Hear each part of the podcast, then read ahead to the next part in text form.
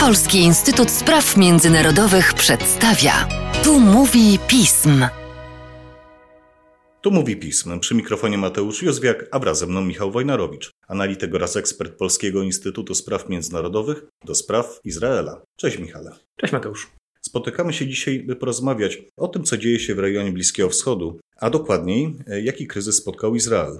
W ostatnich dniach można było zaobserwować wzrost działań terrorystycznych, zamachów, które obok innych wydarzeń, o których za chwilę pomówimy, doprowadził do wzrostu negatywnych nastrojów w samym państwie, a w dalszej kolejności wpłynął na to, że rząd izraelski utracił większość parlamentarną. Michale, zacznijmy może od tego, jak do tego doszło. E, no Izrael boryka się z niespotykaną od wielu lat falą zamachów terrorystycznych. Doszło już do czterech, e, czterech ataków. Zginęło w nich 14 osób, kilkanaście zostało rannych. No, mówimy o fali niespotykanej od powiedzmy lata 2017 roku, a niektórzy mówią, że wręcz od, od drugiej intifady, przed 20 laty. Co charakteryzuje tę falę? Częstotliwość ataków i skuteczność e, sprawców. To, co też wyróżnia to, że pierwsze dwa ataki, czyli atak w Berszewie i atak w Haderze, przeprowadziły osoby powołujące się na przynależność do państwa islamskiego. Byli to y, obywatele Izraela, izraelscy Arabowie. Dwóch kolejnych zamachów strzelaniny w Bnei i w Tel Awiwie dokonali już Palestyńczycy z zachodniego brzegu, z okolic Dżeninu. Tak jak mówię, ta częstotliwość, ta skala ofiar, to nie jest coś, do czego Izrael bądź co bądź przyzwyczajony do częstych naruszeń bezpieczeństwa, tak to, tak to eufemistycznie określmy. Ono był od dłuższego czasu no, nie, nieprzyzwyczajony, stąd y, szok, stąd właśnie wezwania do, do działań, no i te działania są już podejmowane. Operacje, operacje armii izraelskiej na zachodnim brzegu, w wyniku których też już y, zginęło kilku, y, kilkoro Palestyńczyków, zablokowanie czy pewien reżim sankcyjny nałożony na miasto Jenin, z którego wywodziło się kilku sprawców. To wszystko z kolei nakłada się na, wiadomo, trudną sytuację międzynarodową, bo no wiemy, co się dzieje też poza Bliskim Wschodem, ale też na bardzo niespokojny czas w izraelskiej polityce samej sobie, bo mamy do czynienia z największym kryzysem od czasu powołania tej obecnej koalicji. No dobrze, Michale, ale w tym momencie warto zapytać, dlaczego rząd utracił większość parlamentarną? Przez zakwas. Bezpośrednią przyczyną były napięcia wewnątrz koalicji, Kreśląc ten bardzo, bardzo złożony izraelski pejzaż y, Knesetu i obecnej koalicji rządowej, rząd Naftaliego Beneta i Jair Lapida mieli większość 61 posłów w 120-osobowym Knesecie. Posłanka Edith Silman przeszła na stronę opozycji.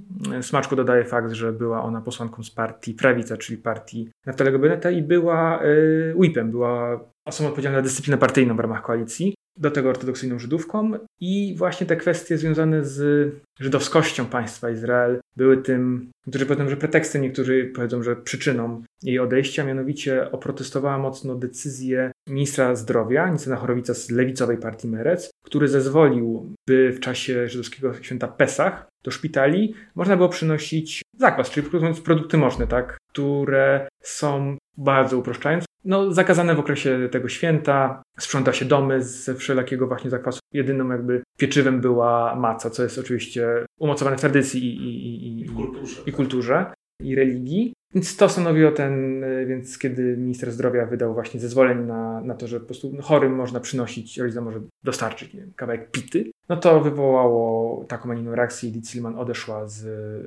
z koalicji. Ale to oczywiście tylko pewien e, element większego obrazka. Przede wszystkim jest to skutek sporego nacisku, czy wręcz nie powiedzieć nagonki, jaką prowadzono na posłów prawicy, którzy dołączyli do rządu Beneta razem z nim. Ze strony opozycji to na zdrajcy, kradzieże głosów, łączone z obietnicami, że jeśli przejdą na tą właściwą stronę, yy, właściwą stronę mocy, to winy będą wybaczone, a, a, a taka decyzja też nie zostanie nie, nie nagrodzona. Ili Zielman ponoć obiecano dziesiąte miejsce ewentualnie w wyborach na liście Likudu, tekę minister zdrowia. I w tym momencie, biorąc pod uwagę też, że osoba była podlegana, że jej osoba nazywa się też pod olbrzymią presją oddolną, protesty pod jej domem, nagabywania w social mediach czy no, pogróżki, no to wszystko tworzy pewien obraz no, bardzo, bardzo toksycznej sceny politycznej, bardzo też napiętej sytuacji w samym Knesecie, gdzie, no, tak jak mówię, to wszystko wisiało na jednym głosie. I w tym momencie mamy, mamy pad, mamy 60 na 60. To znaczy, że,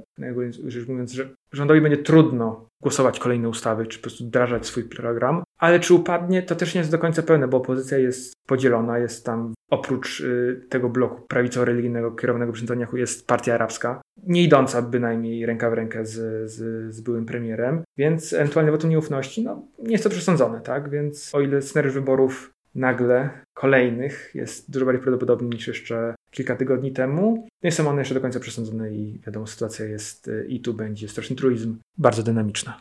Jakie są źródła ostatniej fali ataków w Izraelu?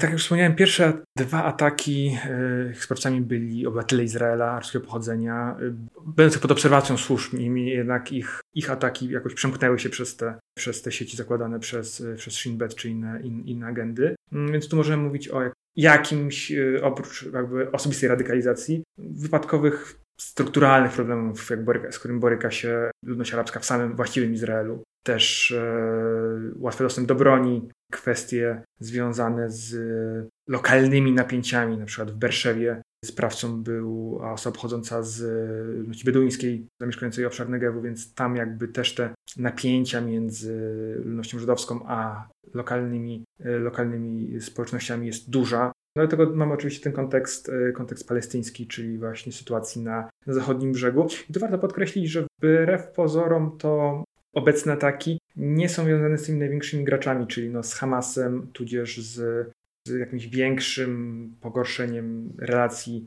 między Izraelem a autonomią palestyńską. Niemniej y, na taką bieżące warunki, tak, y, na zachodnim brzegu bardzo trudne i y, mocno wzbudzające frustrację wśród ludności palestyńskiej, nakłada się też cały sztafaż działań w cyberprzestrzeni, tak, które są prowadzone właśnie przez Hamas czy przez państwo islamskie, które dodatkowo wzmagają radykalizację, no i w efekcie jeśli prewencja też y, ze strony służb izraelskich zawodzi, no to mamy do czynienia właśnie z takimi atakami.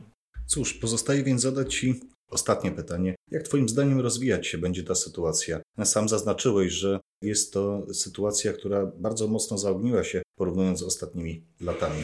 Izrael podjął już no, bardzo daleko idące działania właśnie na zachodnim brzegu, w, w szczególności w okolicach Dżeninu. A Dżenin to miasto symbol, tak? Dżenin to miasto, w którym toczyły się bardzo krwawe walki o, w czasie drugiej intifady, miasto, którego tych czasach pochodziła naprawdę duża liczba zamachów samobójców. Miasto, do którego no, słaby dostęp mają służby autonomii palestyńskiej, a bez współpracy z tymi właśnie grupami, no to Izraelczycy też mają dość ograniczone możliwości działania, więc y, pytanie właśnie, jaki będzie dalszy bilans ofiar, czy będą próby kolejnych zamachów, bo dochodzą różne raporty, że no, są podejmowane nieskuteczne, nieskuteczne ataki, czy na tą sytuację nałoży się jeszcze jakaś akcja ze strony Hamasu, a cały sztafaż tego wszystkiego, no to jest jednak trwający ramadan, tak, trwająca ciągle, no pełna napięcia sytuacja w Jerozolimie. Tam póki co jest spokojnie, ale w przyszłości to właśnie tam zamieszki czy ataki, no tym bardziej rezonowały w, w sytuacji, więc no zapowiadają się bardzo napięte najbliższe tygodnie. A o tym, jak będzie się rozwijać sytuacja na Bliskim Wschodzie i w Izraelu, przyjdzie nam jeszcze porozmawiać nie raz, nie dwa. Tymczasem dziękuję Ci, Michale, za dzisiejszy podcast.